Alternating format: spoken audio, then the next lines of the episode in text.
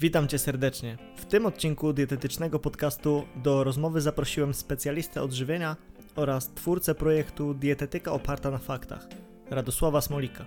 Z odcinka dowiesz się m.in. czy należy obawiać się współczesnej żywności, czy margaryna to niezdrowy produkt, czy mięso jest napakowane antybiotykami i sterydami, czy wszystkie dodatki do żywności są niezdrowe, czy obecne owoce i warzywa są pozbawione wartości odżywczych, a także o tym, czym jest Clubhouse i czy warto korzystać z tej aplikacji. Zapraszam do odsłuchu. Tym razem, zanim zaczniesz słuchać tej rozmowy, chciałbym na początku dać małe ogłoszenie.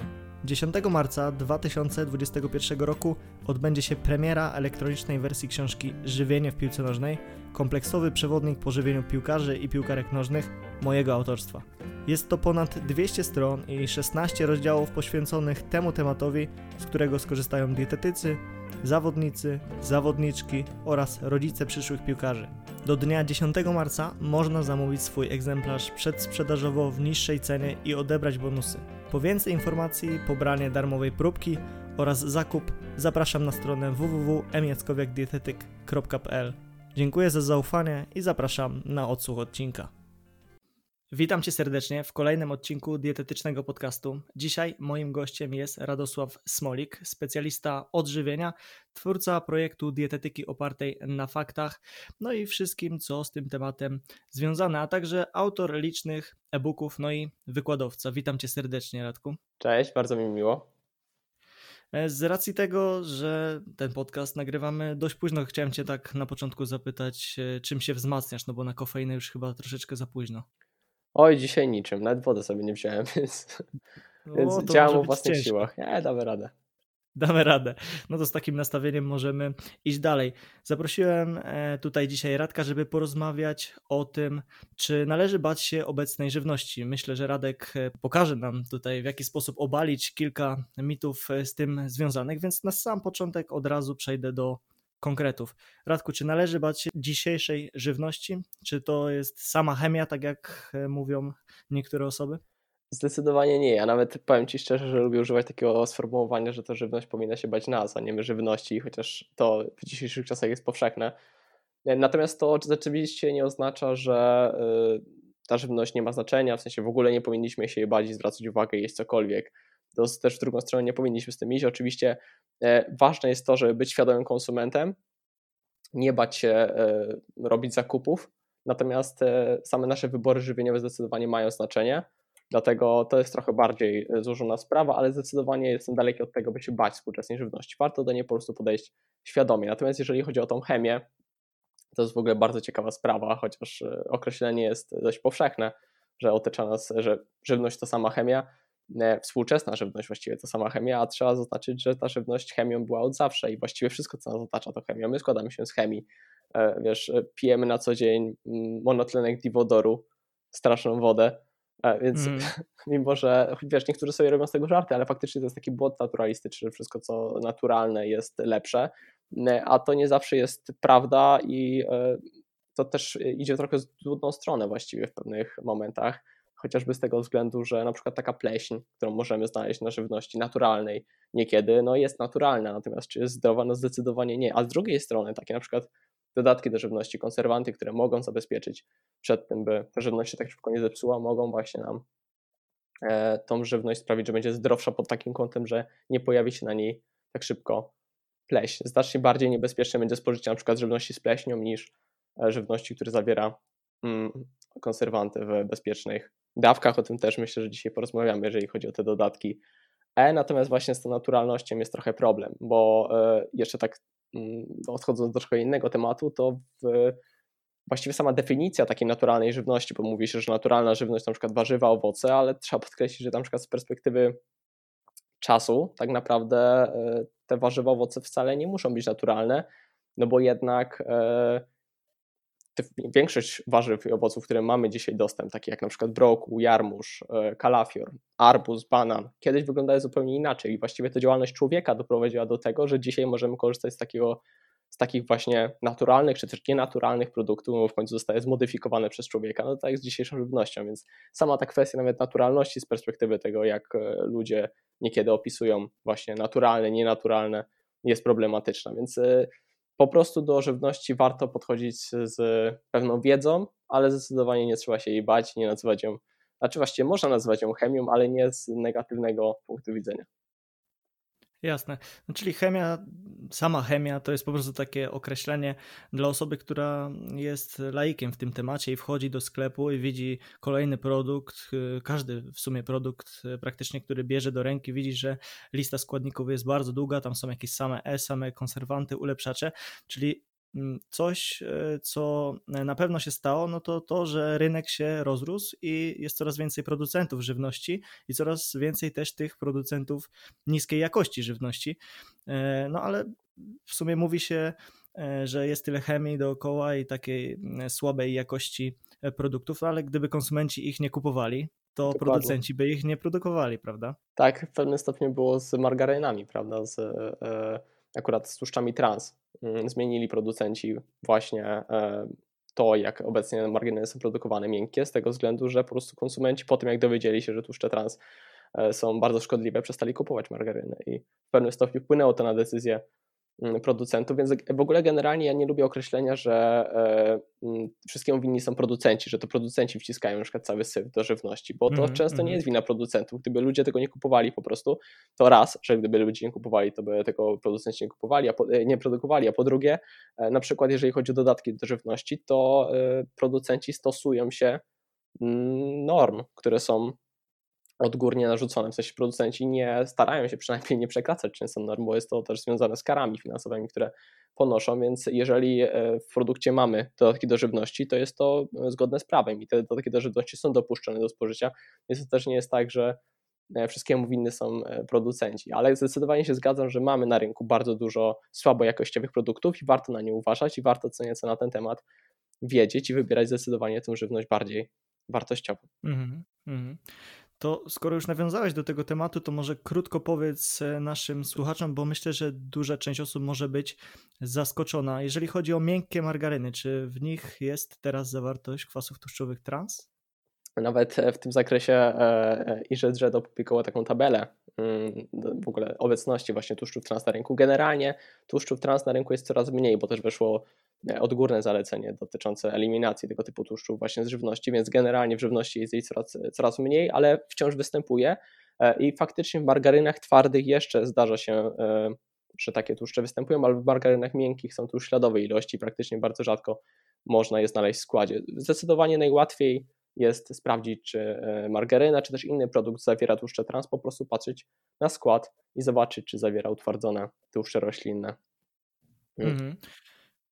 Tak, tutaj musimy też podkreślić, żeby e, na skład patrzeć, e, szukać takiego napisu, czy zawiera częściowo utwardzone e, kwasy tak tłuszczowe, tak, bo te całkowicie, całkowicie utwardzone wtedy nie zawierają kwasów tłuszczowych trans, ale myślę, że to też byś za chwilę dodał. Dobrze, no to ten temat myślę mamy rozwiązany. Powiedz mi proszę, bo to jest równie ciekawy aspekt. Jakie jest Twoje podejście może Twoje zdanie na temat spożywania jajek i zawartego w nich cholesterolu, bo ja nie ukrywam, że znam e, te normy dotyczące spożycia jajek w tygodniu, aczkolwiek nieczęsto się ich trzymam, przynajmniej ja. Jeżeli e, układam dietę sportowcowi, E, gdzie zapotrzebowanie energetyczne jest mm, no, czasami rzędu 4000 kilokalorii, to nie ukrywam, że czasami też te normy lekko przekroczę, mimo że zalecenia mówią coś innego. Jakie jest Twoje podejście? Tak, zdecydowanie się z tym zgadzam z tego względu, że właściwie tak osobiście uważam, że ciężko jest wyznaczyć, właściwie niemożliwym jest wyznaczyć taką y, dla całej populacji konkretnej liczby jajek, jaką, jaką należy ograniczyć spożycie, bo to bardzo zależy właśnie od konkretnej osoby. Zupełnie inaczej będzie u sportowca, zupełnie inaczej będzie na przykład u osoby z otyłością, z cukrzycą typu drugiego.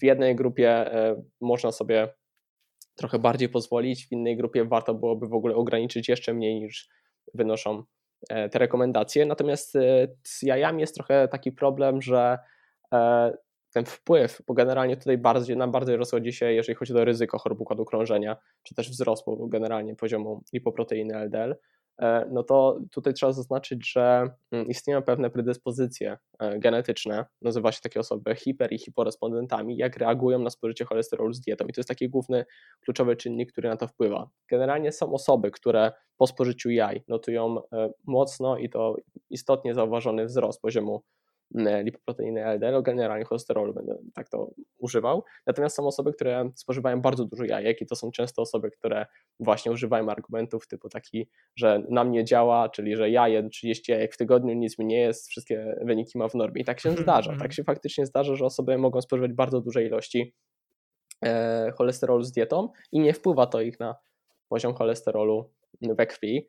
E, natomiast są osoby, które już po spożyciu kilku jajek notują zauważalny wzrost i po prostu to jest związane właśnie z naszą reakcją na ten cholesterol z dietą. Natomiast e, jajka też w pewnym stopniu dostarczają nasyconych kwasów tłuszczowych, które generalnie często w populacji zwiększają poziom cholesterolu LDL, więc e, samo zalecenie ich ograniczenia faktycznie jest uzasadnione, bo prawda jest taka, że większość populacji, na przykład Polski, boryka się właśnie z nadwagą, z otyłością, z podwyższonym poziomem cholesterolu LDL, więc jest to rzecz, na którą warto zwrócić uwagę, żeby raczej to mm, ją ograniczać, ale faktycznie u sportowców chociażby, czy osób aktywnych, czy osób, które nie mają problemów z cholesterolem, e, z tymi jajkami czasami można sobie na nieco bardziej pozwolić i tak często e, w swojej praktyce również polecam robić, tak jak e, ty wspomniałeś. Mhm. Czyli jakby ten, ten limit y, spożywania e, jajek nie zawsze jest u Ciebie trzymany, ale, ale tutaj sprawnie wytłumaczyłeś, że, no, że dla ogółu populacji jest on dobry. Ja też tutaj chcę powiedzieć, że często jajka są uznawane jako superfood, no a mówiąc prawdę, no to tak do końca nie jest. Są one oczywiście bogatym składniki odżywcze produktem, ale nie jest to jarmuż. Myślę, że tutaj Dokładnie. też się zgodzimy.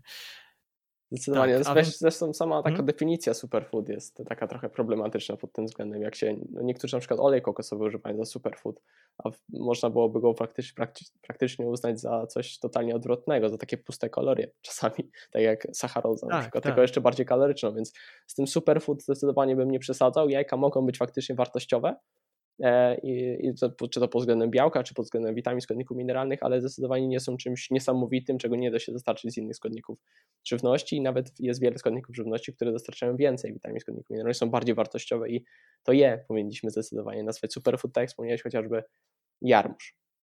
Tak jest. Myślę, że jakbym zapytał 10 e, lepszych i gorszych dietetyków o to, jakie według nich e, produkty stanowią tą grupę superfoods, to, to parę kwiatków byśmy e, z tego mieli. Więc tak jak mówisz, ta definicja jest dosyć ruchoma, co często zresztą wykorzystują producenci żywności. Dobrze, ekspresowo przechodzimy do kolejnego tematu, kolejnego bardzo ciekawego tematu. Otóż tego, czy mięso jest rzeczywiście napakowane antybiotykami i sterydami, no bo słyszy się, e, można usłyszeć w tak zwanej pop dietetyce ogólnie od, e, na spotkaniach rodzinnych chociażby, że no przecież dlaczego ty jesz tego kurczaka, tego indyka, on jest na pewno naładowany antybiotykami i sterydami i później po tym ci tak ręce rosną. Także powiedz Radku, jaka jest prawda z tym mięsem? Czy producentom w ogóle opłacałoby się dodawać sterydy do mięsa? Mhm, to faktycznie jest sprawa kontrowersyjna i faktycznie najczęściej dotyczy w ogóle drobiu, nie e, innego rodzaju mięsa. Natomiast no, trzeba podkreślić, że w przypadku drobiu no, jest to wynikiem specjalnego wyselekcjonowania linii ptaków, a nie sterydów. Po prostu hodowcy w biegu lat doszli do tego, że pewne rasy po połączeniu ptaków sprawiają, że mm, drób może być tak duży, tak e, dawać dużo mięsa, Natomiast samo stosowanie sterydów po pierwsze jest zdecydowanie zabronione, więc samo stosowanie sterydów przez hodowców byłoby związane z łamaniem prawa, a takie łamanie prawa wiąże się z dużymi karami finansowymi, co dla mniejszych przedsiębiorstw byłoby ogromną, ogromnym bólem. Natomiast no, druga sprawa jest taka, i co ważne, właściwie nawet co kluczowe, to to, że istnieją wiarygodne dowody naukowe na to, że stosowanie w ogóle takiego wspomagania hormonalnego przy hodowli na przykład hodowli broilerów jest po prostu nieskuteczne. W sensie samo podawanie sterydów po prostu było u nich nieskuteczne, no a po drugie też nieopłacalne i też kłopotliwe w ogóle do takiego wprowadzenia w praktyce. No z tego względu, że jednak na tych kur mamy e, ogromną ilość i na przykład takie podawanie iniekcyjne byłoby ogromnym problemem, e, żeby to stosować na przykład codzienne podawanie iniekcyjne, więc generalnie wiemy, że stosowanie sterydów jest zabronione, po drugie jest nieskuteczne w świetle dowodów naukowych, no i Kolejna sprawa, że w tym zakresie prowadzone są kontrole i to częste kontrole inspekcji weterynaryjnej i hodowcy nie pozwoliliby sobie na takie e, błędy w tym zakresie, więc zdecydowanie to nie jest kwestia hormonów, tylko naprawdę specjalnego wyselekcjonowania tej linii ptaków, która pozwoli nam dać takie duże, solidne mięso w obecnych czasach. Mhm. Później ktoś wejdzie na, na fermę z aparatem, zrobi takiemu przypakowanemu kurczakowi zdjęcie i mamy e, gotową plotkę w internecie, także tak to czasami e, wygląda. Ale powiedz jeszcze kwestię związaną z antybiotykami i ich dodatkiem, bo o tym się też częściej słyszy. No właśnie, to jest, to, to jest w ogóle zupełnie e, inna kwestia. Natomiast tu tak samo warto podkreślić, że w Polsce obowiązuje zakaz podawania antybiotyków jako stymulatorów wzrostu lub też w celach prewencyjnych. Natomiast inną sprawą jest legalne podawanie antybiotyków, bo takie też istnieje oczywiście. Natomiast e, to mm, podawanie antybiotyków musi być ze względów leczniczych, za zgodą i pod kontrolą lekarza weterynarii. To są ważne kwestie, bo na przykład też podawanie antybiotyków samodzielnie przez hodowców też jest zabronione. To musi być specjalna, e, specjalny raport z tym związany, muszą e, istnieć mm, powody ku temu, żeby podać antybiotyk, no i to też musi być właśnie prowadzone pod kontrolą lekarza weterynarii. Natomiast z tym wydaje mi się, że największy problem, czy też największy szum wiązał się z raportem Najwyższej Izby Kontroli, e, raportem NIK-u z roku 2018. On był taki szum wielki w mediach przez ten raport, e, tak, tak. ponieważ tak. były takie nagłówki, że e, antybiotyki stosowało 70% hodowców, że większość hodowców stosuje antybiotyki i że to mięso jest nafaszerowane antybiotykami. Natomiast po pierwsze no, trzeba podkreślić to zdanie w ogóle, bo ja tutaj to poprawnie uznałem, niektórzy to przeinaczali, natomiast wskazywały te wyniki to, że antybiotyki stosowało 70% hodowców. Tam w konkretnym województwie, w konkretnych miejscach też nie generalizuję, ale około 70% hodowców. No i trzeba podkreślić, że to, że stosowali, to nie znaczy, że to było stosowane na przykład u 70% ptaków, które były w tych hodowlach. Tu chodzi o to, że tych hodowcy, ci hodowcy stosowali po prostu antybiotyki. Z tego wszystkie właściwie e, w tej kontroli, w tej kontroli akuratniku, wszystkie te kontrole były związane z uzasadnionymi celami leczniczymi, które były wykazane w raportach. Więc chodzi o to, że ci hodowcy stosowali antybiotyki z uwagi na względy lecznicze. E, natomiast to, co właśnie ważne chciałem podkreślić, to z tego raportu wynika, że antybiotyki były stosowane w tych 70-80 załóżmy procentach hodowli, ale nie u 70-80% zwierząt w tych hodowlach. No i tu też trzeba podkreślić e, inną sprawę, że e, w związku ze stosowaniem antybiotyków obowiązuje też okres karencji, czyli taki okres wymywania, że z tego organizmu tych antybiotyków się, czy też pozostałości antybiotyków, które się pozbywają, dla każdego konkretnego antybiotyku jest wyznaczony różny okres karencji w zależności właśnie między innymi od e, też na przykład wagi kury, czy też rodzaju zwierzęcia już tak generalnie.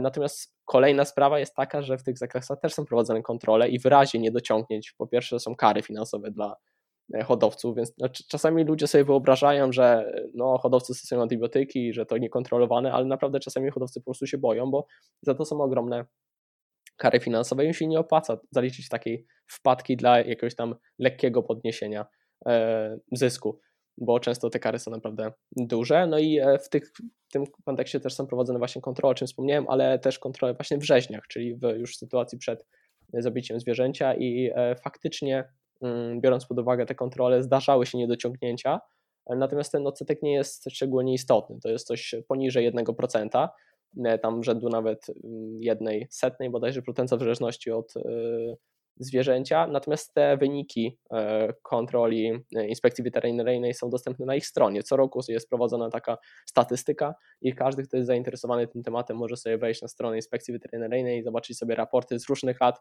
dla, e, w kontekście też sterydów, o których wspomnieliśmy, w kontekście sterydów, czy też w kontekście, bo tutaj bardziej, e, w, bardziej w kontekście zwierząt typu świnie, krowy, e, no, i tam też niedociągnięcia się zdarzały, natomiast zdecydowanie jeszcze rzadziej. To już są tam też czasami tysięczne procenta w tym zakresie, gdzie takie niedociągnięcia występowały i wówczas, co ważne, jeżeli taka kontrola zaistniała i takie zwierzę, mm, znaczy w ogóle taką hodowlę znaleziono, wykryto, gdzie istnieje pewne niedociągnięcie, to oczywiście taką partię się usuwa e, ze sprzedaży, e, bo też ważne jest to, że kontrole prowadzone są jeszcze później, czyli jeszcze przed w ogóle pójściem do wejściem mięsa do sklepu. Zdarzają się również kontrole właśnie na tym, w tym miejscu, nie tylko wrześniach, ale jeszcze później, już przed trafieniem na półki sklepowe, więc naprawdę mimo że te niedociągnięcia się zdarzały, więc czasami jest jakieś tam prawdopodobieństwo, że coś nie zostało skontrolowane, a poszło, e, to mimo że to prawdopodobieństwo obecności istnieje, to jest naprawdę bardzo niewielkie i generalnie mięso w sklepach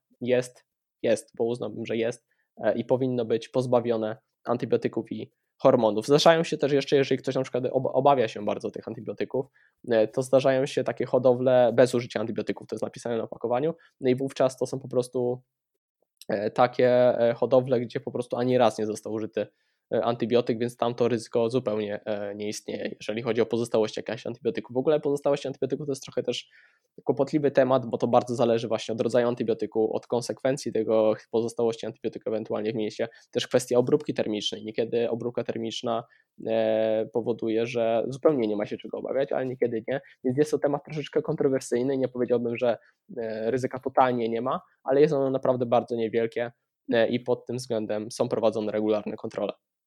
Hmm. No, dziękuję za tą odpowiedź. Myślę, że wyczerpałeś e, temat. Tak szczegółowej odpowiedzi się nie spodziewałem, ale to tym bardziej się cieszę, bo wszyscy e, słuchacze, którzy dobrze analizują takie treści, będą już trochę spokojniej spać. A ci, którzy wierzą w teorie spiskowe i no najczęściej od takich osób słyszy się, że a bo kolega mojego wujka jest hodowcą i on tam podaje antybiotyki, no to taki, takim osobom jest jednak ciężko to przetłumaczyć, i tutaj też mówimy o tym właśnie, że takie osoby raczej. A kolega mojego się. wujka pracuje na hodowli i nie podaje. I nie podaje. No właśnie, to, są, to, to możemy taki kontrargument zawsze dać, jeżeli mamy kolegę wujka. E, dobrze, teraz troszeczkę e, prywatny myślę, bo chcecie zapytać o to, czy dzisiejsze owoce i warzywa e, nie mają już takiej wartości odżywczej jak kiedyś, ale dlatego mówię, że prywaty, ponieważ my się poznaliśmy no już jakiś czas temu, ale pierwszy artykuł w ogóle, z jakim cię kojarzę, to właśnie na temat, o który przed chwilą e, zapytałem i, i myślę, że e, to był jeden z takich twoich bardziej klikalnych, że tak powiem, artykułów. Tak, to prawda. To był jeden z pierwszych jeszcze na blogu takim pod hasłem Radosław Smolik WordPress, w ogóle na takiej darmowej domenie, to było bodajże 4, 4 lata temu chyba. Tak, e, tam opublikowałem ten artykuł właśnie na temat, e, bo to w ogóle był temat nieporuszany tak e, powszechnie. Właściwie nie znalazłem wcześniej takiego artykułu, sam go napisałem na podstawie badań naukowych i nie znalazłem w takim artykułu, wtedy jeszcze w tamtych czasach, nie znalazłem takiego artykułu nigdzie, a byłem sam po prostu też ciekawy tematu. No i sam postanowiłem ten temat e, przejrzeć i faktycznie ten artykuł się poniósł trochę w internecie. Wiele osób go poudostępniało wówczas. Tak, no ty pewnie wtedy nie wiedziałeś, kto to jest Marcin Jackowiak, a ja się wtedy dowiedziałem, kim jest Radosław Smolik i już wtedy mnie zaciekawiło właśnie, jakie będą twoje kolejne artykuły, ale wracamy do tematu i powiedz nam wszystkim, proszę, czy dzisiejsze owoce rzeczywiście są pozbawione e, wartości odżywczej, no bo tak też się często mówi. Zdecydowanie nie. Zdecydowanie warzywa i owoce to dziś dzień obecne warzywa i owoce również z każdego sklepu, supermarketu, nie tylko z warzywniaka są źródłem witamin i składników mineralnych, są świetnym źródłem witamin i składników mineralnych i wciąż je warto jeść. E, natomiast e, to, co jest problematyczne pod względem takich na przykład różnych raportów, które porównywały zawartość witamin, składników mineralnych w różnych warzywach i owocach, bo często na przykład właśnie się niesie przez internet takie grafiki. Ja też właśnie w tym artykule e, zawarłem taką grafikę, która często krążyła po internecie, że niby dzisiejsze właśnie warzywa, owoce są pozbawione szeregu, e, znaczy może nie pozbawione, ale znacznie mniej zawierają wiele witamin, składników mineralnych, a to wcale mm. nie jest taka prawda.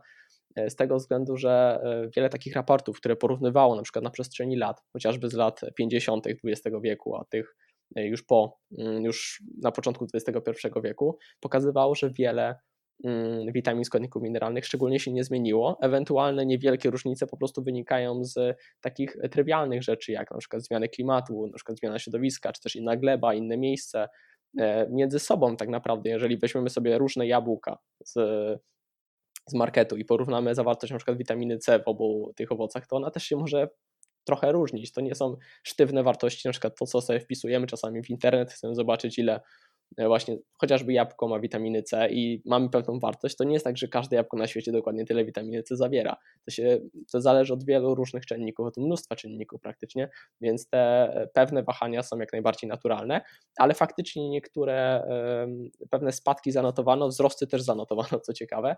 E, natomiast e, te spadki często tłumaczy się takimi kwestiami jak na przykład E, różnica miejsca, czy też sezonu pobierania próbek, czy też e, metody analityczne. Na przykład też e, w kontekście żelaza był taki problem, czy też miedzi, że w tych latach 50. XX wieku nie do końca wiemy, jak wyglądała ta czystość analityczna, jakie te metody analityczne były wykorzystywane pod kątem na przykład właśnie ryzyka zanieczyszczeń próbek, na przykład glebą, z tego względu, że gleba zawiera większej ilości e, żelaza i tym samym, jeżeli pewna pozostałość zanieczyszczeń występowała na próbkach, no to mogło wpłynąć na zawartość żelaza na przykład w warzywie.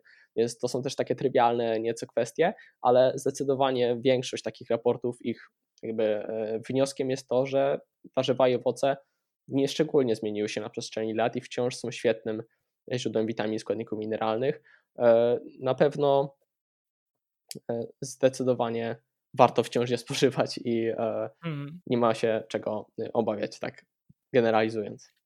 Mm. Znaczy pod tym względem nie ma się czego obawiać. Rzeczywiście zjemy jabłko, on ma te składniki odżywcze, to już sobie ustaliliśmy, właśnie nam wszystkim powiedziałeś, no ale przecież dużo osób mówi, że tych owoców należy bać się, ponieważ zawierają pestycydy, są pryskane e, i, i co powiesz na ten temat?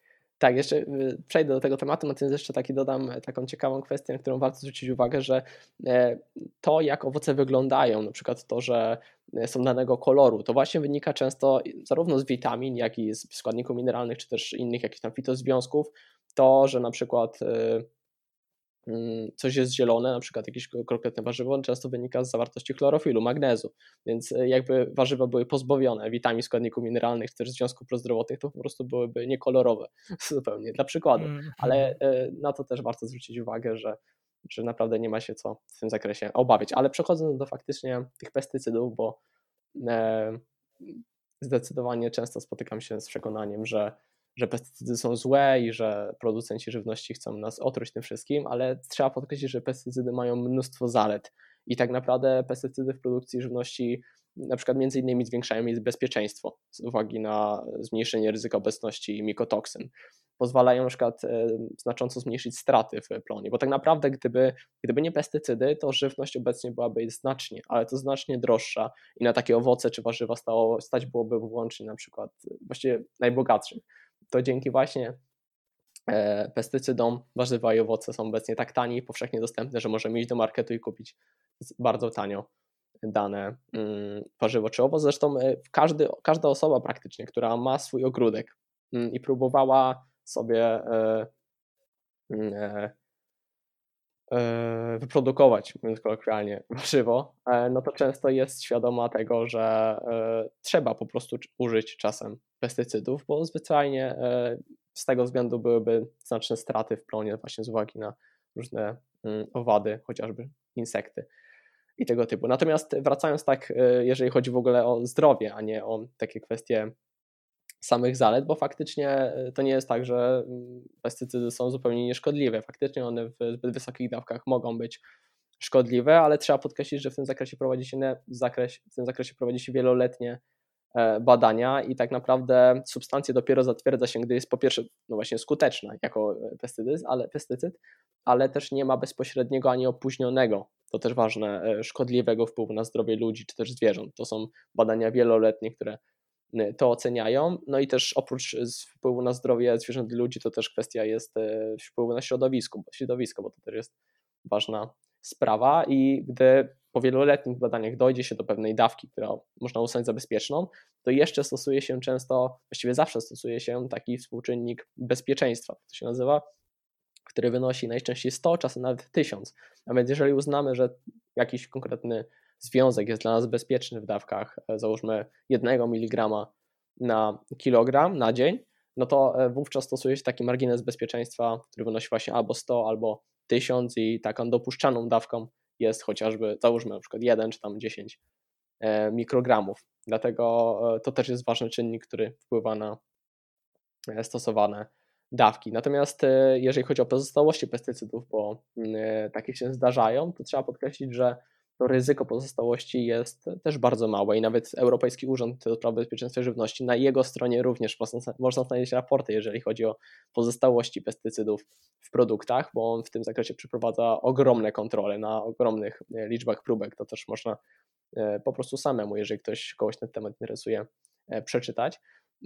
to też właśnie EFSA uznała, że nie stanowią te pozostałości pestycydów zagrożenia dla konsumentów, na że też są po prostu liczne badania, liczne raporty z mm, wielu lat. A co jeszcze ważne, na sam koniec chciałem podkreślić, to to, że E, my, w ogóle dietetycy bardzo często trąbią na temat tego, że warto jeść warzywa i owoce i mamy silne dowody, bardzo silne dowody na to, że spożycie warzyw i owoców jest pozytywne i wpływa bardzo dobrze na szeroko pojęte zdrowie.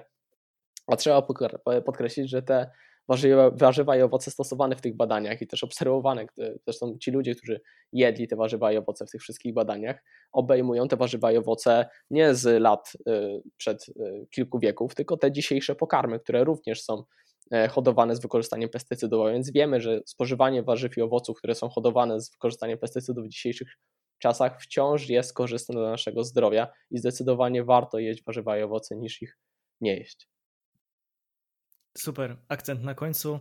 E, też jeszcze chciałbym e, to podkreślić, że jak najbardziej warto jeść te owoce i warzywa. E, I myślę, że niektórym z naszych słuchaczy może nasuwać się taka wątpliwość, takie pytanie. Radku, powiedz nam, kto więcej ci płaci? Czy Big Pharma, czy może tak, przemysł spożywczy, tak. czy po tym podcaście, po tym podcaście akurat dostanę właśnie wynagrodzenie. Tak. Tak. Miałem właśnie zanim... tutaj e, wiele mhm. pozytywów podkreślić, bo. Miałeś wypunktowane, co tak, musisz tak. powiedzieć, żeby dostać e, określoną kwotę. To dobrze, to zanim e, wejdziesz na mBank i sprawdzisz, jaka kwota tam na ciebie czeka, to powiedz nam proszę, czy dodatki E są zawsze szkodliwe, czy może niektóre z nich są potrzebne dla utrzymania dobrego zdrowia? To jest generalnie trochę kontrowersyjny temat, e, z tego względu, że no w tym też zakresie, że są namieszał trochę NIK, e, natomiast e, trzeba podkreślić, tak, bo naprawdę to jest akurat temat, którym bardzo dużo osób się boi, to trzeba podkreślić, że dodatki do żywności to jest bardzo szeroka grupa związków i niektóre to zdecydowanie są zdecydowanie pozytywne E, substancje, takie jak zresztą ludzie czasem się boją, a pod takim E300 kryje się witamina C. Często na przykład w napojach roślinnych występuje składnik też E, a na przykład on dotyczy obecności wapnia, więc zdecydowanie e, fortyfikacja w wapniu, napojach roślinnych jest bezwątpliwie pozytywna, więc to są często bardzo pozytywne kwestie, a takie e, obawianie się wszystkich E jest bardzo problematyczne, więc nie ma się czego obawiać, tak jeżeli chodzi w ogóle o banie się na temat składników dodatków do żywności E, e ale faktycznie e, trzeba podkreślić, że wszystkie e, dopuszczone do użytku E, czy też dodatki do żywności, są najpierw E, oceniane przez Europejski Urząd do Spraw Bezpieczeństwa Żywności. To też wymaga wieloletnich badań. Dopiero gdy uzna się, że są one bezpieczne i też e, ich zastosowanie jest niezbędne ze względu technologicznego, to dopiero się je wprowadza e, na rynek i też są określone dawki, często na przykład w miligramach na kilogram i również jest stosowany ten współczynnik bezpieczeństwa, o którym wspomniałem wcześniej, to, to też jest dość ważne, więc istnieje pewna maksymalna dawka, to też jest tak w skrócie ADI, E, natomiast e, stosuje się również ten współczynnik bezpieczeństwa, ale tak, żeby nie e, wychwalać pod niebosa te dodatki do żywności, to faktycznie z nim jest kilka problemów i chciałbym o nich powiedzieć, bo mm, faktycznie często jest tak, że produkty spożywcze, które zawierają duże, duże ilości tych dodatków do żywności, w składzie widnieje dużo E, no są często wysoko przetworzone i generalnie nie ze względu na dodatki do żywności, ale po prostu są to często produkty spożywcze raczej szkodliwe, no może nie, że szkodliwe, ale E, niekorzystne dla naszego zdrowia z uwagi na przykład e, dużą ilość e, soli, cukru, nasyconych kwasów tłuszczowych, często, może nie często, ale zdarza się, że też tłuszczów trans, małą ilość błonnika, mniejszą ilość witamin, składników mineralnych, więc jest to po prostu mniej wartościowy produkt, często bardziej przetworzony i raczej taki, który powinniśmy ograniczyć w naszej diecie. Natomiast nie ze względu tylko i wyłącznie na dodatki do żywności, ale właśnie, że z tego względu, że jest to produkt po prostu wysoko mm, przetworzony. Ale jeszcze innym problemem który e, sam nad którym się trochę zastanawiałem i co jest e, trochę problematyczne, to jest e, akumulacja wszystkich dodatków do żywności. Pomimo, że w danych produktach spożywczych nie przekracza się dostępnych, dopuszczalnych właściwie ilości danych dodatków do żywności, to w sytuacji, gdy ktoś spożywa bardzo duże ilości na co dzień wysoko przetworzonych produktów, które obfitują dodatki do żywności, to to może być trochę problematyczne pod względem właśnie akumulacji wszystkich tych mm, dodatków. W tym zakresie też wypuścił raport NIK i tam faktycznie e, między innymi na przykład zanotowano, że u dzieci z tego względu, że właśnie ADI jest wyznaczane na e, kilogram masy ciała, a dzieci charakteryzują się niższą masą ciała, to tam też jest wyższe ryzyko przekroczenia dopuszczalnych dawek i tam się faktycznie zdarzało, że to ADI była przekroczone. Mimo, że ADI wiesz, jest wyznaczane na podstawie też współczynnika mhm, bezpieczeństwa, mm, no to pewne ryzyko się z tym wiąże, więc jeżeli nasza dieta obfituje w dużej ilości dodatków do żywności, to może być to troszeczkę pewne ryzyko pod tym polu, że jeszcze nie do końca wiemy, jakie na przykład spożywanie różnych e, dodatków do żywności w dużej ilości, połączenie też tych różnych dodatków do żywności może wpływać. Nie jesteśmy też świadomi do końca wszystkich połączeń ewentualnych, więc pod tym względem jest pewien e, znak zapytania. No ale tutaj też wspomniałem, że warto ograniczyć po prostu produkty wysoko przetworzone, obfitujące dodatki Mm, do żywności. Jeszcze odrębną kwestią to też alergie, bo zdarzają się e, alergie na niektóre dodatki do żywności, tam jest konkretne są grupy e, dodatków do żywności. Ta przypadłość jest dość rzadka, bo dotyka mniej niż tam 1% dorosłych, ale faktycznie są takie e, dodatki jak przykład E102, E120, są też takie grupy od przykład E210 do E219, no różnego rodzaju to na przykład konserwanty. E, są różnego rodzaju dodatki, które faktycznie mogą być problematyczne u niektórych i takie e, objawy e, jak na przykład pokrzywka, niekiedy nawet anafilaksja, zaostrzenie astmy mogą się pojawić. To są rzadkie rzeczy, ale zdarzają się, więc warto na to uważać. Więc faktycznie z tym E też nie ma się za bardzo, że nie ma co się bać tego, robić z tego niesamowity, niesamowity problem, ale warto je ograniczać Mm, i raczej e, jeżeli po prostu bazujemy na produktach nisko przetworzonych, czyli takie, które najczęściej po prostu nie mają składu, jak sięgamy po e, kaszę, nie widzimy tam mhm. składu, po warzywa, owoce i tak dalej, więc e, to są produkty nisko przetworzone i tam takie produkty w ogóle powinny stanowić podstawę naszej diety, natomiast mniejsze ilości pewnych bardziej przetworzonych produktów, nawet jeżeli zawierają dodatki do żywności, to tak jak mówiłem, te dodatki do żywności w konkretnych produktach nie przekraczają dozwolonych, dopuszczonych dawek, które wynikają z wieloletnich badań, więc pod tym względem nie ma się czego obawiać, ale faktycznie jest pewien, jest, są pewne kwestie, które, e, którymi stawiam troszeczkę znak zapytania i sam mam pewne wątpliwości co do tego, no to też się pewnie będzie wyjaśniać w kolejnych latach. Zresztą konkretne produkty, bo też często pojawia się, mimo że jest coś dopuszczone do, do użytku, to, to wciąż jest kontrolowane i wciąż w tym zakresie prowadzone są E, badania i niekiedy na przykład zmniejsza, niekiedy nawet czasami zwiększa się e, właśnie to ADI, to też się zmienia na przestrzeni lat. Bardzo dziękuję za tą odpowiedź. Ja mm, pójdę na łatwiznę i po prostu powiem, że się pod tym wszystkim podpisuję.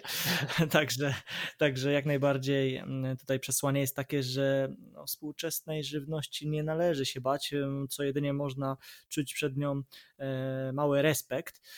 No bo tak jak Radek mówi, jednak powinniśmy skupić się na tym, żeby spożywać żywność nisko przetworzoną.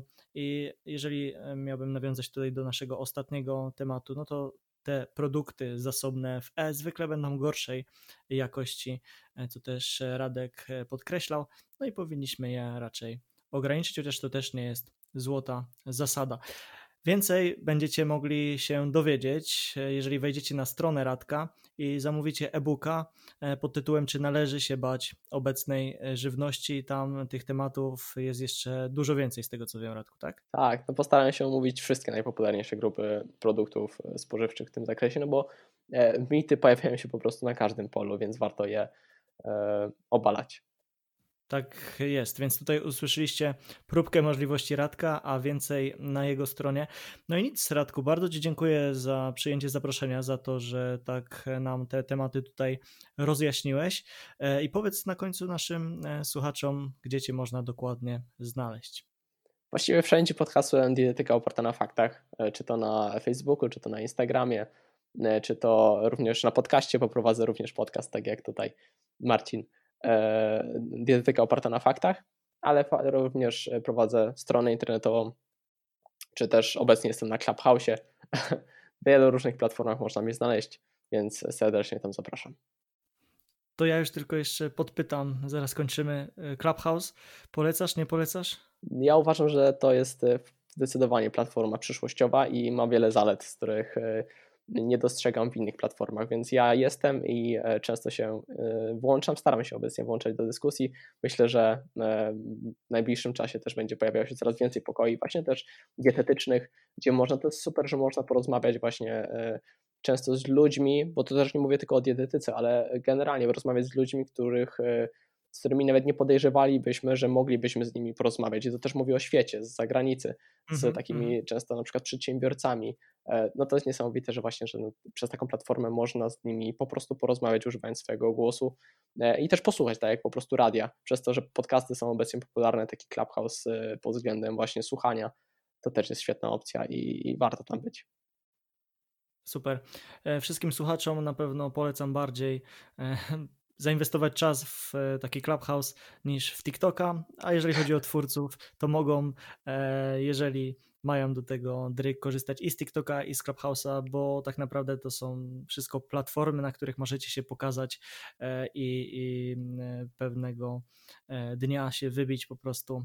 No i przekazywać oczywiście sprawdzone, oparte na faktach wiadomości. Ja Ci jeszcze raz dziękuję, Radku, i do usłyszenia. My usłyszymy się pewnie na jakichś e, rozmowach, a słuchaczy żegnam i do usłyszenia w kolejnym odcinku. Dzięki wielkie, cześć.